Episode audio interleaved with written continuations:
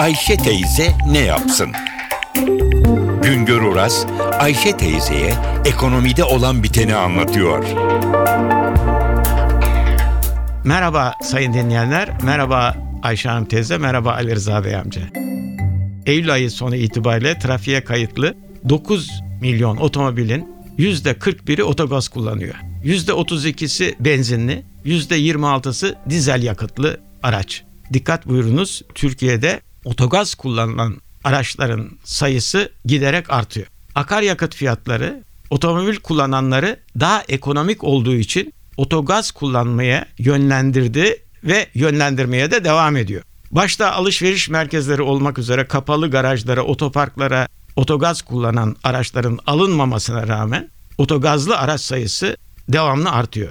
Araçlarda otogaz kullanımı orijinal olarak otogazlı olarak üretilmiş araçların yanı sıra benzinli araçlarda yapılan otogaz dönüşümü ile mümkün oluyor. Ülke genelinde otogaz dönüşümü yapan ruhsatlı firmalarının sayısının bini aştığı belirlenmiş. Bunlar araç başına ortalama 1800 lira dolayında bir ödeme ile aracı otogaz kullanılır hale getirebiliyor. İşte büyük bir pazar var ve bu pazara da hizmet eden değişik şirketler var. Bunların da sayısı giderek artıyor. 2004 yılında trafiğe kayıtlı otogaz kullanan sayısı sadece 790 bin araçmış.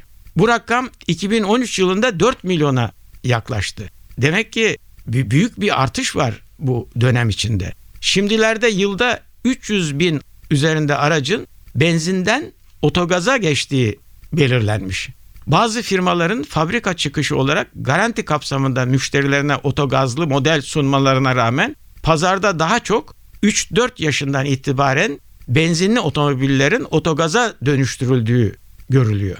Yeni otomobil pazarında ise daha ekonomik kullanım sağladığı için dizel motorlu araçlara ilgi fazla. Toplam satışlarda mazotlu araçların, dizel araçların payı %59 dolayına yükseldi.